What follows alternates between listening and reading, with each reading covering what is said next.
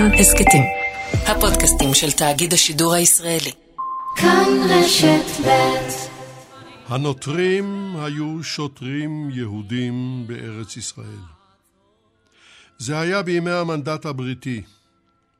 הם גויסו וחומשו במסגרת המשטרה הבריטית ובחסות הסוכנות היהודית.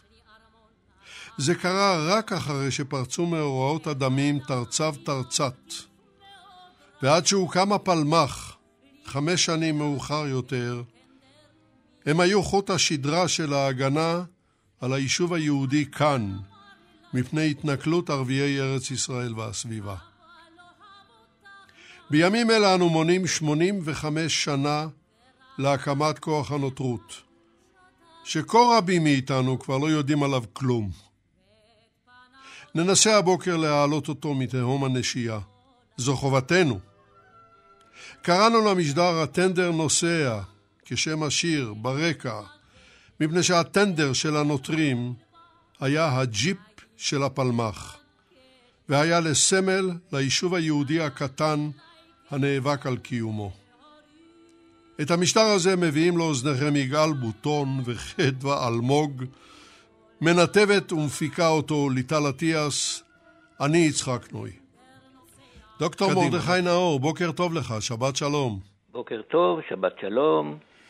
דוקטור נאור הוא סופר וחוקר תולדות ארץ ישראל, הוא מוכר לכולנו, נמנה שניים מספריו, הפעם לקסיקון ההגנה, הוצאה לאור של משרד הביטחון וארגון חברי ההגנה, והספר ספר המאה, סיכום המאה ה-20, הוצאת שוב משרד הביטחון ועם עובד.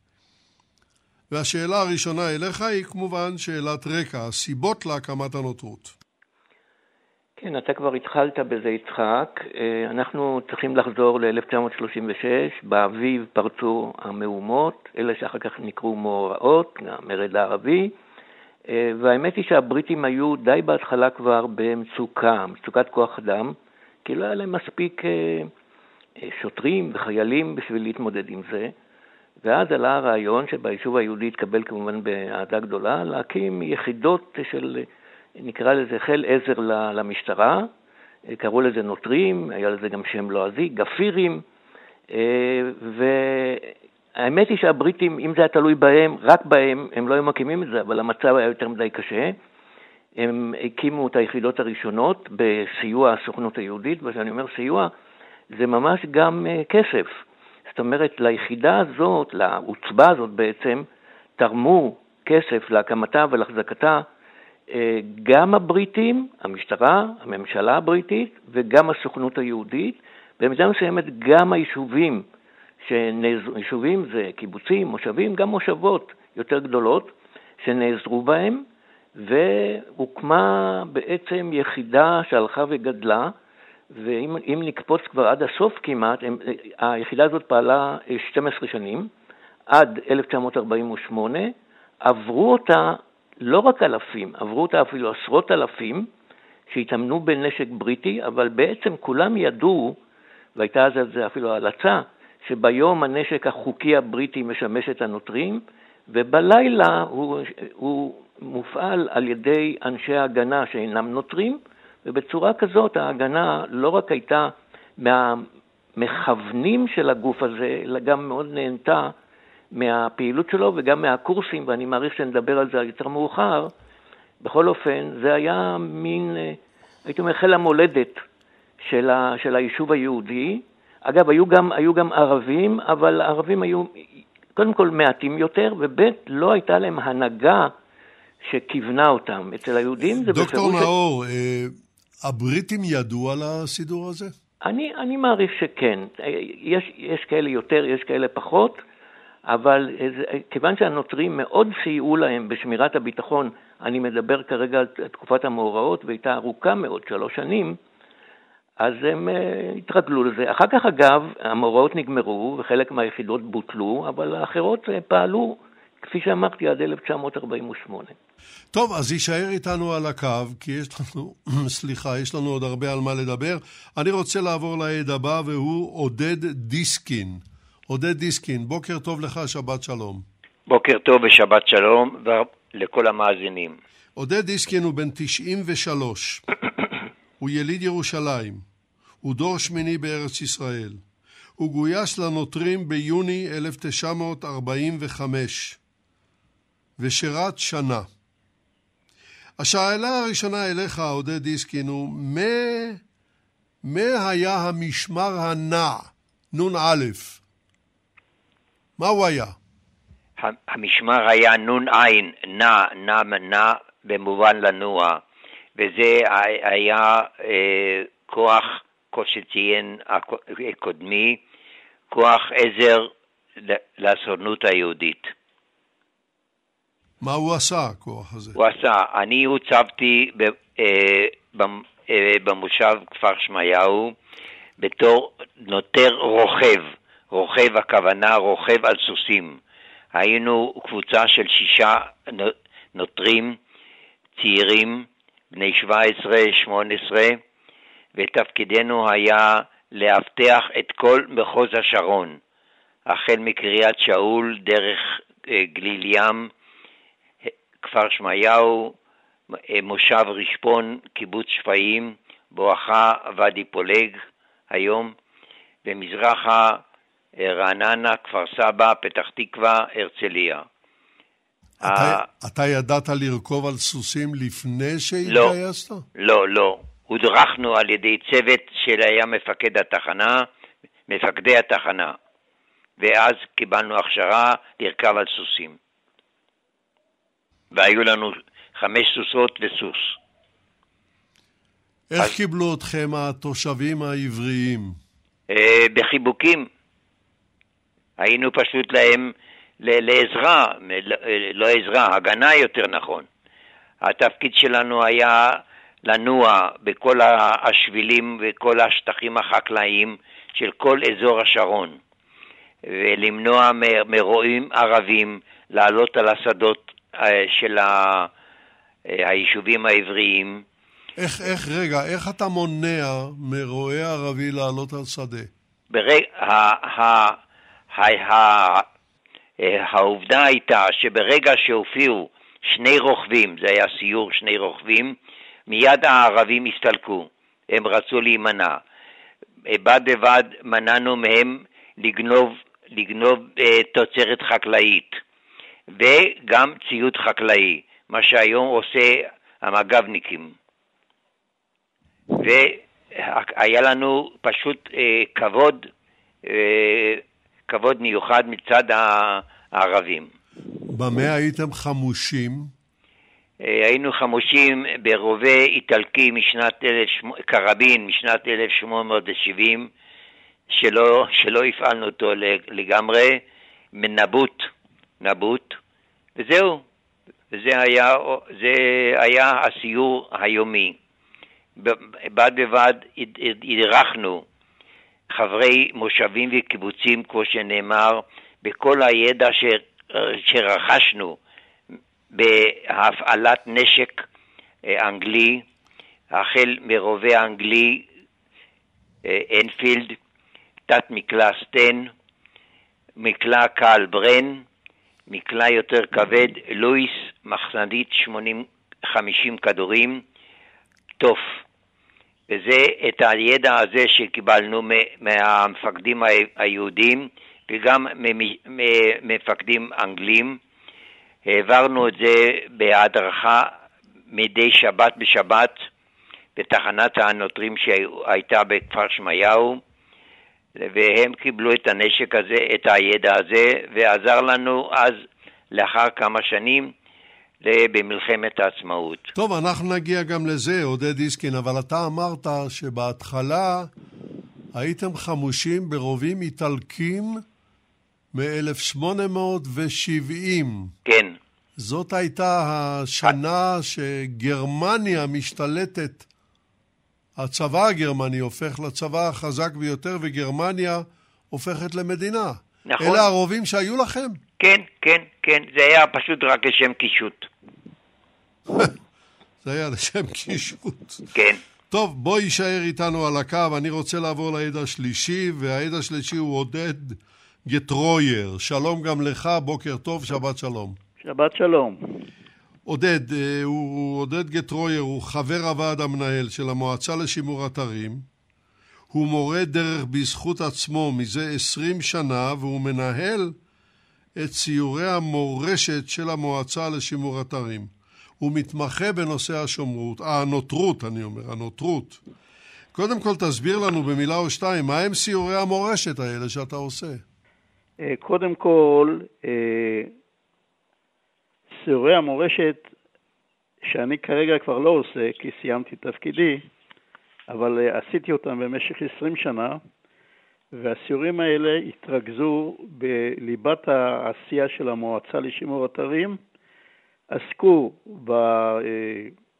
בנושאי המורשת הבנויה, כלומר עניין יותר מקצועי, ובשימור המורשת ההיסטורית המסופרת, כלומר פרשיות, יישובים, עלילות ודברים מהסוג הזה, ובתוך כדי הפעילות הזאת אה, הייתי חייב כל הזמן לפתח אה, סיורים חדשים, ואז אה, נכנסתי לתחום הנוטרות, ואני אסביר אחר כך מדוע, והתחלתי להפעיל במסגרת הסיורים, סיורים בנושא נוטרות. כל עונת סיורים בשנים האחרונות שופצו שני סיורים שעסקו בנוטרות. גם עכשיו, בתוכנית הקרובה, שאני כבר לא מנהל המחלקה הזאת, אה, שיבצתי שני סיורים אה, תחת הכותרת הטנדר נוסע, והצלחתי, הצלחנו גם ביחד עם חבריי, אה, להכניס את, את אחד הסיורים האלה לתוכנית ההשתלמות של אה, מורי הדרך. אבל עודד, עודד, מכל הדברים שאמרת אני עדיין לא מבין. אני מצטרף לסיור כזה. כמה זמן הוא נמשך ומה אני רואה? שמונה שעות הסיור נמשך, מהבוקר עד אחרי הצהריים. היו, זה היה סיור יומי, וגם היה סיור לילי. לא, איזה עודד מדבר? אה, סליחה, סליחה. אני שומע, אבל בוא, בוא תגיד, עודד גטרויר. כן, אני... מה אני רואה בסיור? אתה, הסיור הוא יום מלא, והוא עובר ביישובים, אה, למשל, תחנת אה, נוטרים שמורה בבנימינה, סיפור עלייה לקרקע של קיבוץ גלעד, אה, הנוטרים של ג'וארה, לפני שהפכה לבסיס של פלמ"ח, נוטרי עמק יזרעאל, מוזיאון הנוטרות בנהלל, וכך הלאה. מה אפשר לראות במוזיאון הנוטרות בנהלל? אה, תראה, הרבה, הרבה כרגע אין מה לראות. יש אומנם תצוגות, יש המשטרה, משטרת הרוכבים, יש סרט אה, מצוין שמוקרן שם, יש, אה, איך אני אגיד את ציורי קיר או טבלטות של ציורי קיר על החומות של המשטרה שמתארות את פעילות הנוטרים. כן. עכשיו בוא ניגש לנושא עצמו. מה אתה, אביך, אני מבין, אה, היה נוטר ועסק בזה, וכך אתה הגעת לכל הנושא. מה היו תנאי השירות של הנוטרים? אה, אה, קודם כל, תנאי הגיוס. בסדר, דבר על תנאי כן. הגיוס, תתחיל. כל מי שהיה מעוניין או נשלח להצטרף לנוטרות, היה חייב להיות קודם כל בגובה אה, מינימלי של אה, מטר שבעים ושתיים, ראייה שש על שש כמובן, לפרשים היו קצת תנאים אחרים, ועבר כמובן אימון בסיסי, בבסיס אימונים כזה או אחר, אז בואו רק נציין שמטר שבעים ושתיים ב-1936 היה גובה יפה מאוד. נכון. כי האדם מאז גבה וגבה וגבה, היום כן, הדרישות זה... היו הרבה יותר גבוהות. כן, נכון, אבל זה, זה של אז, והכי חשוב זה אישור רפואי אה, על כושר אה, גופני אה, של רופא, רופא הגיוס, לא רופא משפחה. אה, ואז היה שכר שהגיע לסכומים של 7-8 לירות, לירות ארץ ישראליות, לרווק, נשוי היה קצת יותר, הגיע לסביבות 20 לירות, וזה היה, היה יחסית במשק הרבה כסף, כי אני יכול לסבר את האוזן שהשכרת דירה בתל אביב עלתה אז שתי לירות, וכלכלה עוד איזה לירה וחצי, ובסופו של דבר נשאר גם הרבה כסף אה, לחיסכון או, או לבילויים. כמובן שנישואים קיבלו תוספת ילד ראשון וילד שני וכך הלאה. אה, נדרש גם אה, ידע בשפות, עברית דיברו כתיבה קריאה ברמה טובה, אנגלית או ערבית, תלוי ברמה, ואז יש תוספת של שכר, הצלחה בבוחן חוקים, מנדטורי של המשטרה, אה, והיה תנאי למגורים בסמוך לתחנה, ואז הוסיפו אה, סכום מסוים לשכר. אבל עכשיו, אה, מתגייס לנוטרות לחיל העזר, חתם על חוזה לחמש שנים, וניתן היה להשתחרר ממנו בהודעה מראש של שלושה חודשים וההפך.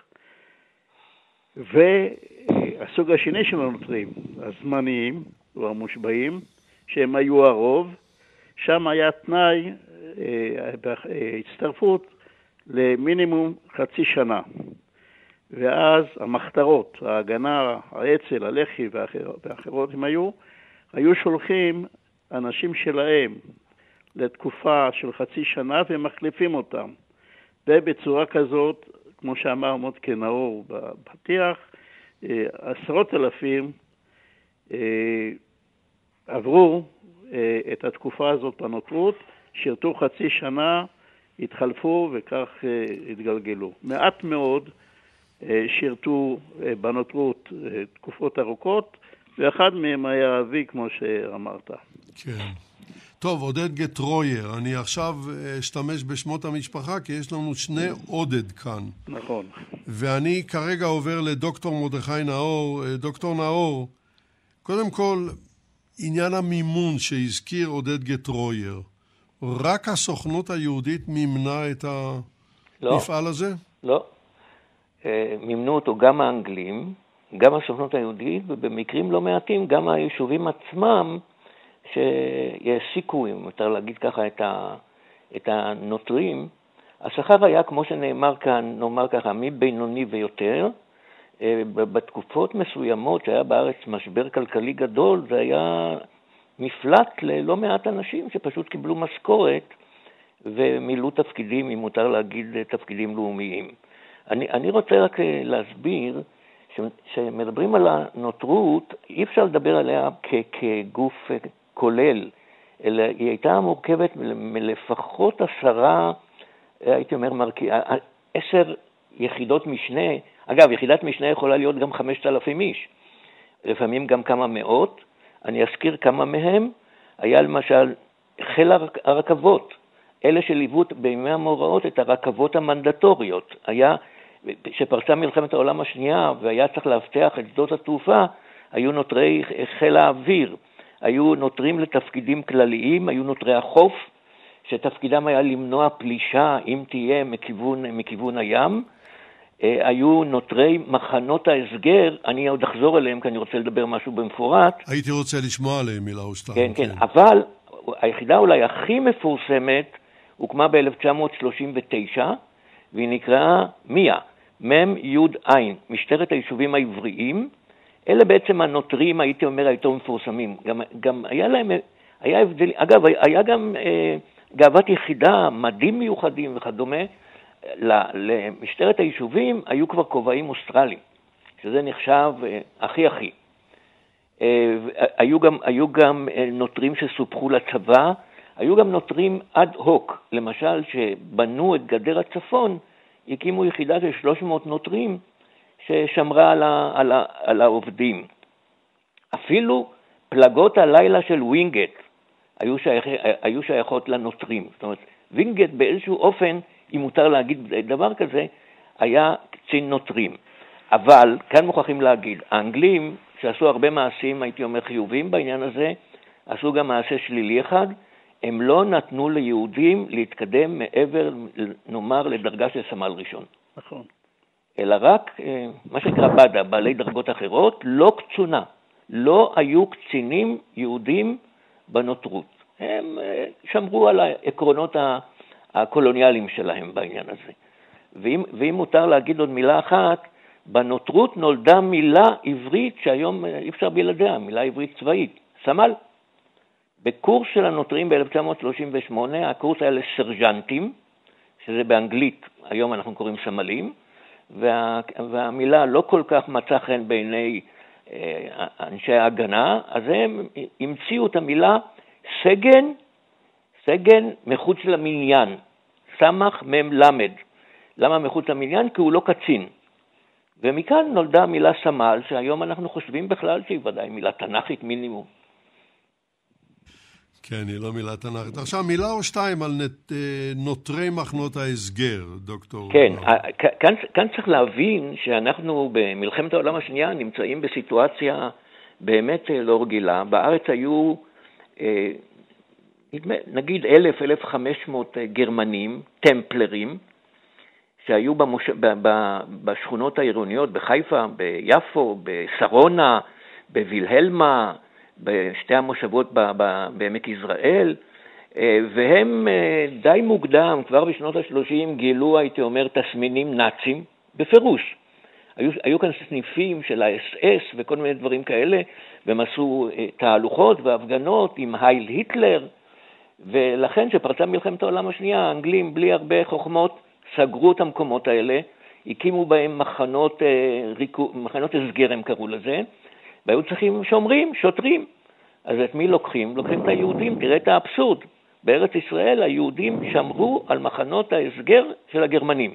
אגב, היו גם ערבים, אבל הערבים, התברר, יותר מדי התיידדו עם האסירים שלהם, עם הכלואים, ולכן הם הוחלפו על ידי יהודים. אבל אני רוצה לספר דבר מיוחד במינו. אני הרי לא מבין, הרי הטמפלרים האלה, הגרמנים בסופו של דבר, בשל הכרזת המלחמה, היו נתיני אויב וגורשו לאוסטרליה. לא, לא, לא, רגע, תכף נגיע גם לגירוש לאוסטרליה. קודם כל, הם היו שנתיים בארץ, בערך שנתיים.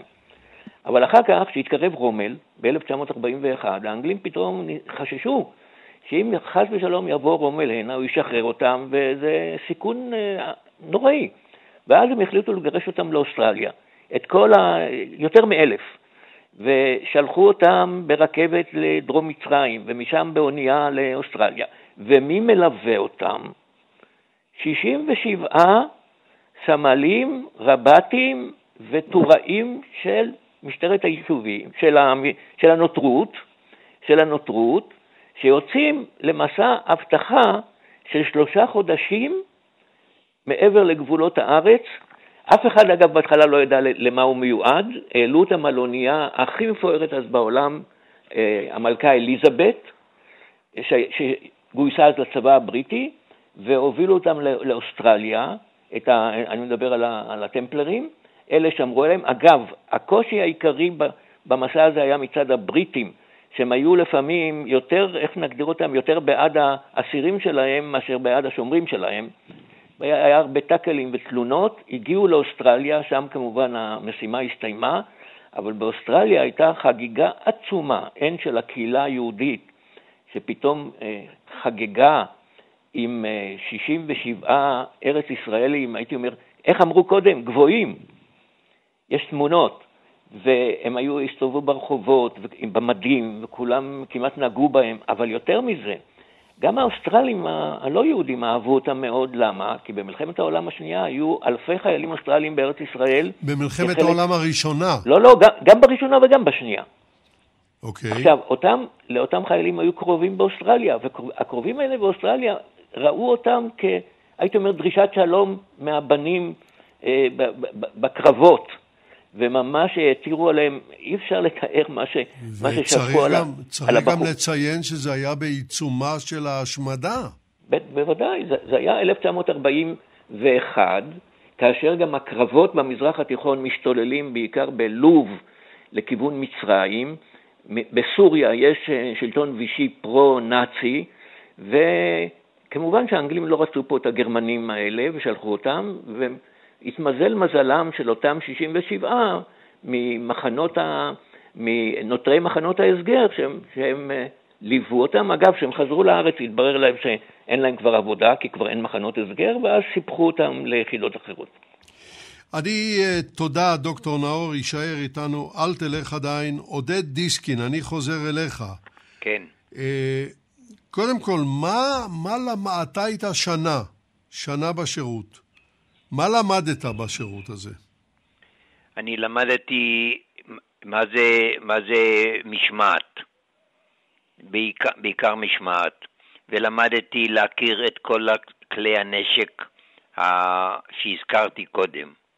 ולמדתי מה זה אבטחה של, של יישובים אה, אה, יהודיים. זהו, זו הייתה משימה לאומית. עכשיו, אתה כבר בעל ניסיון. כן. אתה יודע להשתמש בכלים. האם ההגנה משתמשת בכישורים שלך להדריך אנשים נוספים? כן, ציינתי את זה. כל שבת, כל שבת התאספו כעשרה, חמישה עשר חברי מושבים, קיבוצים, בנקודת המשטרה בכפר שמעיהו, זה היה נשקיה, ואנחנו פרסנו שמיכות, ופשוט אה, הדרכנו את כל, חו... את, את כל הקבוצה בהכרת הנשק המיועד שאני סיפרתי עליו. אבל אה, אין פיקוח בריטי? מה זאת אומרת? אתה פורס שמיכה ומתחיל להסביר על הנשק, ומה עושים הבריטים הלא יהודים? הבריטים ברור ש... אה, אולי, אולי עצמו, אני אציין רק דוגמה אחת. בשבת אחת היה מוצב על גג התחנה צופה, כנראה נרדם בשמירה, ונפתחת הדלת, וקצין אנגלי דוחף את הראש שלו לתוך החדר, ובאנגלית פשוטה הוא אומר, Oh, I'm sorry, וסוגר את הדלת. מתברר שהוא בא, ל... אה, האנגלים אוהבים סוסים, והוא בא לרכב, לבקש רשות לרכב על סוסה.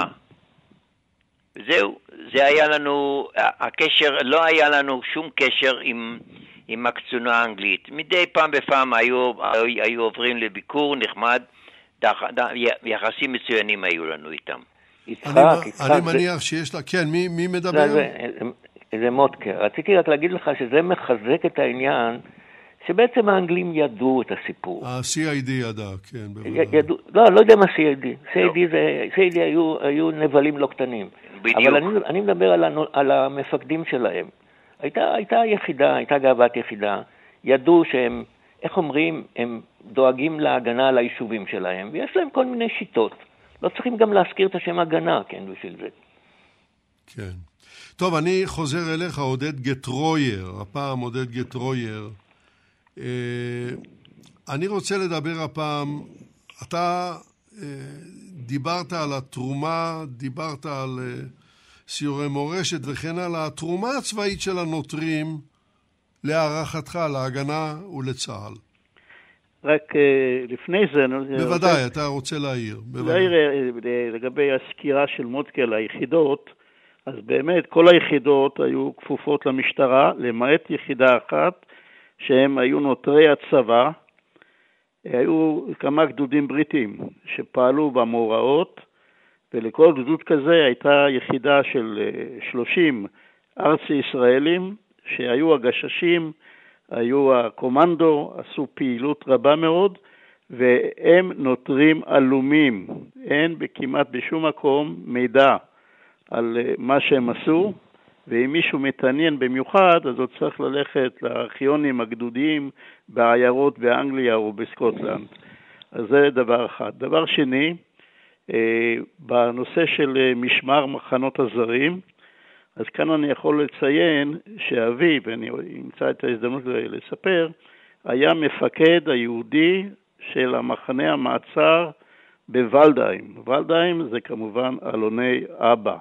כמובן עד הגירוש, עד הגירוש לאוסטרליה. אה, לגבי העזרה, הדרכה בנשק, אז אה, בשלב מסוים, שאבי היה מפקד משטרת יגור והיה נוסע הביתה, באגד כמובן, אה, הוא היה יורד בנווה שאנן, בבסיס של חיל המשמר, אחים, גדוד מספר 121 כרמלי, ומחליף מדים כמובן, ומאמן אותם בנשק כבד, בנשק מסייע פלוגתי, שזה כבר מקלעים כבדים, זה כבר אה, מרגמות מסוגים שונים, ומטולים נגד טנקים, ואת כל זה הוא היה עושה כמובן אה, במחתרת, אה, באותו בסיס בנווה שאנן. אני רק יכול עוד להוסיף כי ב-1943, שהאיום הגרמני עדיין לא פג, הצבא הבריטי ארגן קורסים לסרג'נטים בגוש תל מונד, סדרה של קורסים, והסרג'נטים האלה התאמנו בנשק כבד, גדודי, ועל ידי חיילים בריטים, וכמובן כשהם חזרו לתחנות שלהם, הם אימנו את הנוטרים בשימוש בנשק הזה. יש לך שמות של האנשים האלה? דוגמאות? לא, יש לי ברשותי תמונה מאחד הספרים של קורס שמתקיים בתל מונד, של כ-20 סרג'נטים, אה, אחד מהם היה אבי, אבל האחרים אני כמובן לא מכיר. אבל, אבל יש על זה כמובן אה, אה, תזכורת בספרות, במסמכים וכך הלאה. אבל עדיין זה לא, לא, לא התרומה שאתה שאלת. כן. זה חלקיק תרומה. אה, קודם כל, כל, כל נוטר, לא חשוב באיזה מעמד הוא היה, עבר הכשרה צבאית בסיסית. אימון בנשק, ברובה, זה הכרת הרובה, זה פירוק והרכבה, זה אימוני כליאה, אה, עקרונות הכליאה, מטווחים, וגם קטע של, שאנחנו מכירים אותו מהטירונות, של אימון הפרט, איך להתנהג תחת אש, וזה מה שאנחנו מכירים בשם הפזצתא. כל אחד שהיה בצבא בטירונות יודע מה זה, וזה פשוט איך להתנהג כשיורים עליך, וזה כל נוטר עבר, ואם היו כמה אלפים או עשרות אלפים, אז כולם אה, עברו את ההכשרה הזאת. ואחר כך כמובן ההכשרה בנשק כבד. זה התחיל ב-1942, שהגרמנים מתקרבים לארץ, וכל כוח הנוטרות יועד בעצם להגן על היישובים העבריים בארץ. כי בואו בוא נעשה חשבון. מי שהתנדב לצבא הבריטי, עוד לפני הבריגדה בכלל, הוא היה תלוי בצבא הבריטי. אם הבריטים היו רוצים, היו שולחים אותו לבורמה, שלחו אותם ליוון, חלק מהם נפלו בשבי. הם לא היו בארץ. הפלמ"ח עצמו הוקם כדי לפגוע בגרמנים הפולשים במרחבי מדבר סיני או בנגב. הם לא היו בארץ. לכן מי שנשאר בארץ היו כוחות הנוטרים. והבריטים השקיעו מאמץ לאמן אותם בכל סוגי הנשק הכבד ברמה גדודית, המקלעים שהזכיר אה, עודד אה, דיסקינד, אה, מקלעי הלואיס לואיס שימשו גם לנשק נ"מ, מטולי הפיאט, אנטי טנקים, בכל התחומים האלה הצבא הבריטי עסק באימון כוחות הנוטרים. כמובן שאחר כך כמובן הדברים האלה נפסקו, כי הרומן עם הבריטים התחיל להתפוגג. עודד גטרויר, על כמה אנשים אנחנו מדברים?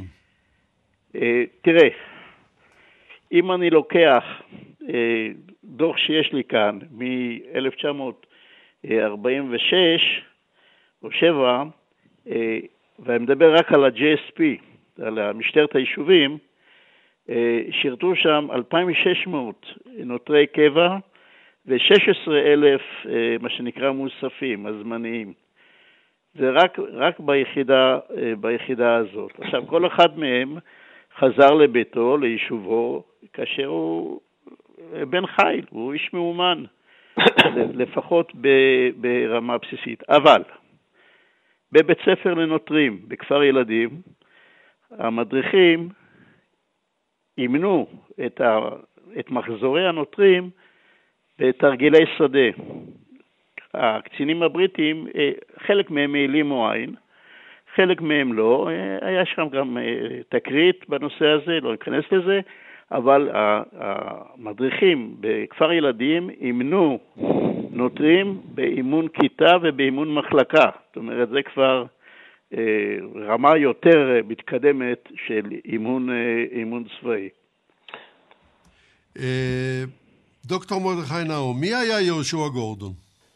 האיש שבעצם היה איש הקשר בין הסוכנות לבין הממשלת, לבין, לבין המשטרה והממשלה, שמו היה יהושע גורדון, יהודי במקור ממזרח אירופי, התגלגל לאמריקה כמו רבים אחרים, התגייס לגדודים העבריים וחזר לארץ ישראל, וכאן במשך כ-20 שנה עבד בסוכנות או במוסדות הקודמים לה, אה, בקשרים עם, הבריטים, כאשר הקימו את הנוטרות, הוא היה בעצם, אה, הייתי אומר, אה, שר הנוטרות, אם מותר להגיד ככה, בארץ ישראל. הוא פעל חמש שנים, כי ב-1941, בגיל 52, הוא נפטר.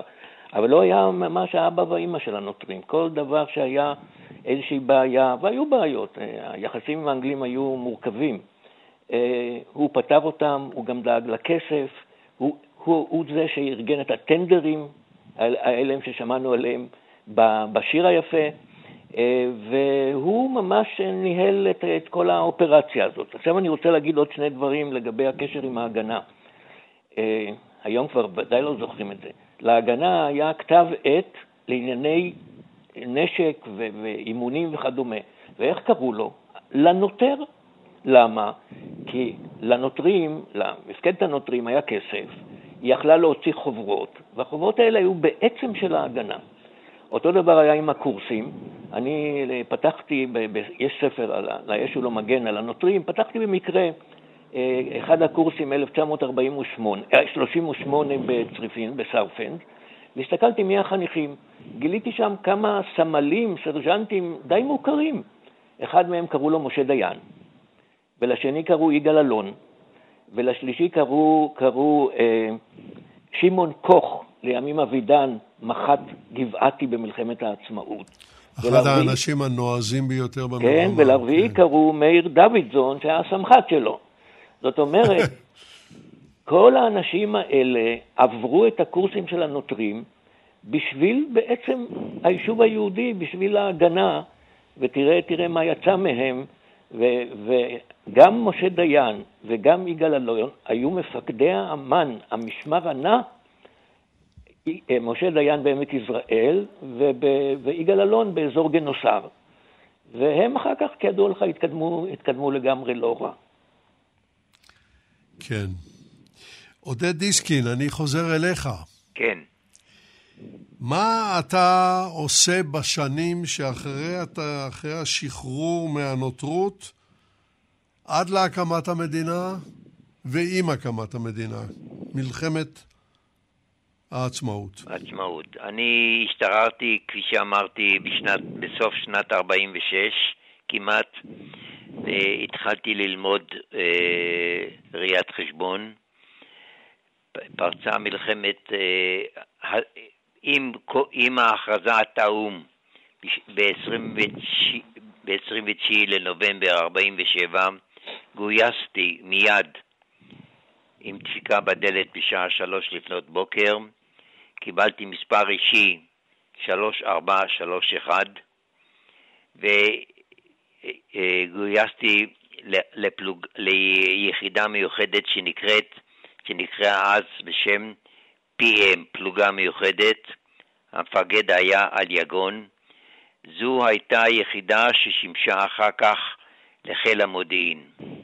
תפקידנו היה למצוא מרגלים, לתפוס אה, משתפי פעולה, וברור שגם הדרכתי בתל אביב עצמה, אה, את הידע שלי העברתי אותה לחברי ההגנה, בעיקר בשכונת שבזי, בכל מיני מקומות אה, מסתור, את הידע שלי בהקלת, בהכרת הנשק האנגלי, וגם הנשק הזר של, שלמדתי אותו, כמו אקדחים, תת מקלש מייסר, קרל גוסטה וכולו.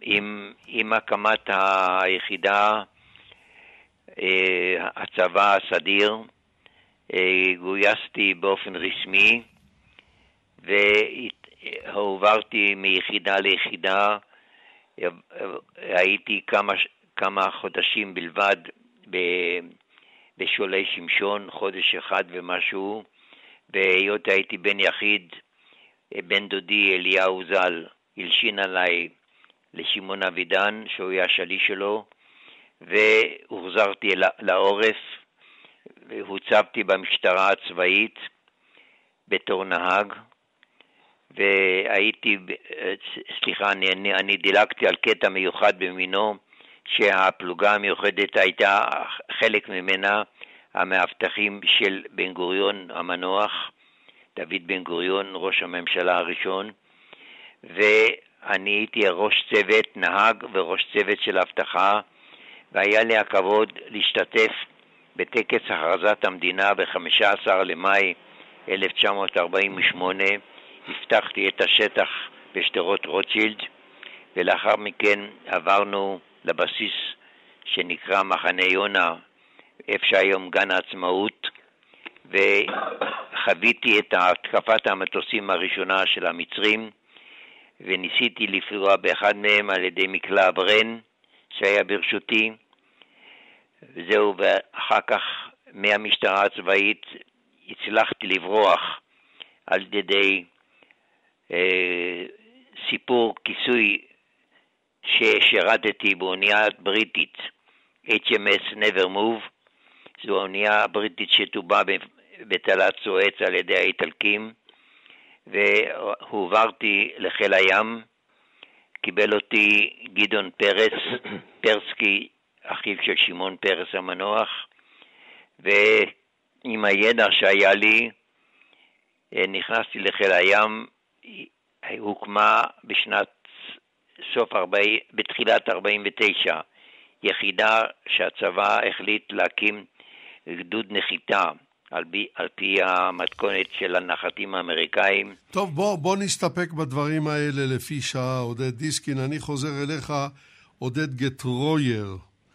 באחת השיחות, אני חושב, המקדימות למשדר הזה, אתה פלטת מבלי משים את הביטוי ארצי ישראלי. אתה זוכר את הדבר הזה? זוכר. למה עשית את זה? מה זה היה? אה, רק לפני זה אני רוצה איזו הערה.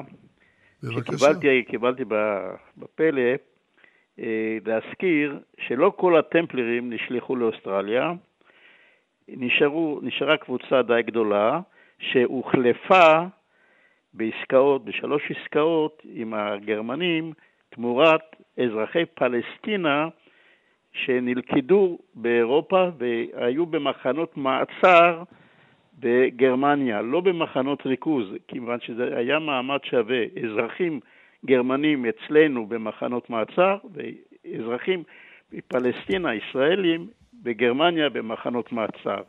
וכמה מאות מהכלואים האלה בגרמניה הוחלפו בטמפלרים.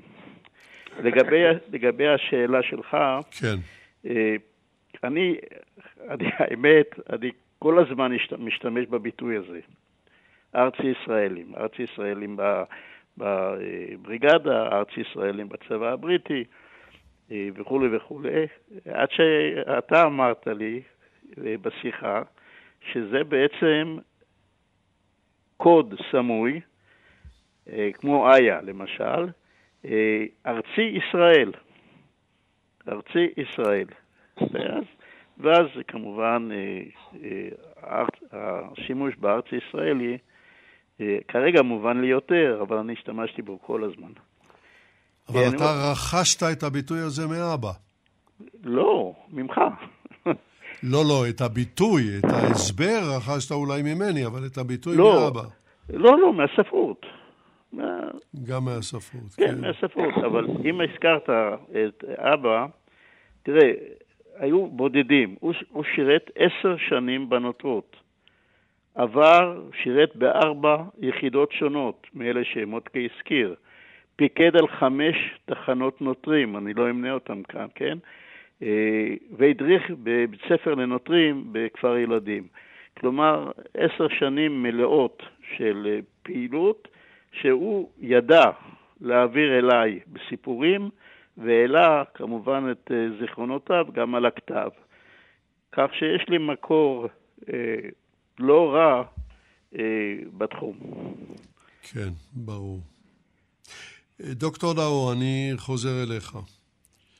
אנחנו מגיעים להכרזת המדינה. שמענו את העדות של עודד דיסקין, שהיה נוכח בהכרזת המדינה. כן, יפתח... אבל אה, יצחק צריך להתחיל קודם. אנחנו צריכים לחזור ל-29 בנובמבר, פורצת המלחמה, ותראה, מה שקורה, היישוב היהודי אומנם מתכונן, אבל לא לגמרי, וביום ביום שלאחר ההחלטה באו"ם, כבר שהתחילו הקרבות, היו רק שני כוחות מגויסים, איך אומרים? מהיום, מהרגע להרגע. אתה מדבר על היום של אחרי הכ"ט בנובמבר כן, 47. כן, תחילת, תחילת דצמבר, נגיד ככה. אוקיי. והיו רק שני כוחות, הפלמ"ח 2,100 לוחמים, והנותרות 1,800 באותו זמן. זאת אומרת, אפשר היה באותו רגע עצמו, לח... לא לחייל אותם, כבר היו מחוילים, אבל לשלוח אותם לכל המשימות, והם היו מן הלוחמים הראשונים של מלחמת העצמאות, וקשה להניח מה היו עושים בהתחלה, עד שהחטיבות התארגנו, גדודים וחטיבות התארגנו, בלעדיהם ובלעדי הפלמ"ח. אני רוצה אז להזכיר... אז תסביר לי להערכתך, דוקטור מרדכי נאור, איך קרה שבהיסטוריוגרפיה הישראלית שלנו, הפלמ"ח זכה לתהילה עצומה כצבא הקבע של מדינת ישראל כשהגיעה העת להילחם והנוטרים נשכחו. מה קרה כאן? איך אמר אלתרמן? להיסטוריה דרכים משלה. אני אתן לך דוגמה אחרת במילה אחת. התגייסו 30 אלף לצבא הבריטי. זוכרים רק יחידה אחת, הבריגדה. במלחמת העצמאות היו 100 אלף חיילים, מהם 6,000 או 7,000 בפלמ"ח. זה היה בסוף המלחמה. כן. בסוף המלחמה היו 6,000 או 7,000 בפלמ"ח. כמעט זוכרים רק אותם, וזה הוזכר אפילו בשידור כמה פעמים, כשמדברים על הלוחמים אומרים פלמ"ח. פלמ"ח מגיע לו כל הכבוד הראוי, אבל היו גם יחידות אחרות, היו חטיבות אחרות, היו, היו בסך הכל 12 חטיבות, שלוש יחידות פלמ"ח ותשע יחידות, אה, חטיבות אחרות. אבל, אבל אני, אני רוצה כאן להדגיש שבתחילת המלחמה, אה, הייתי אומר, כל העול, נאמר, בחודש, חודשיים הראשונים, או רוב העול נפל על הפלמ"ח ועל הנוטרים.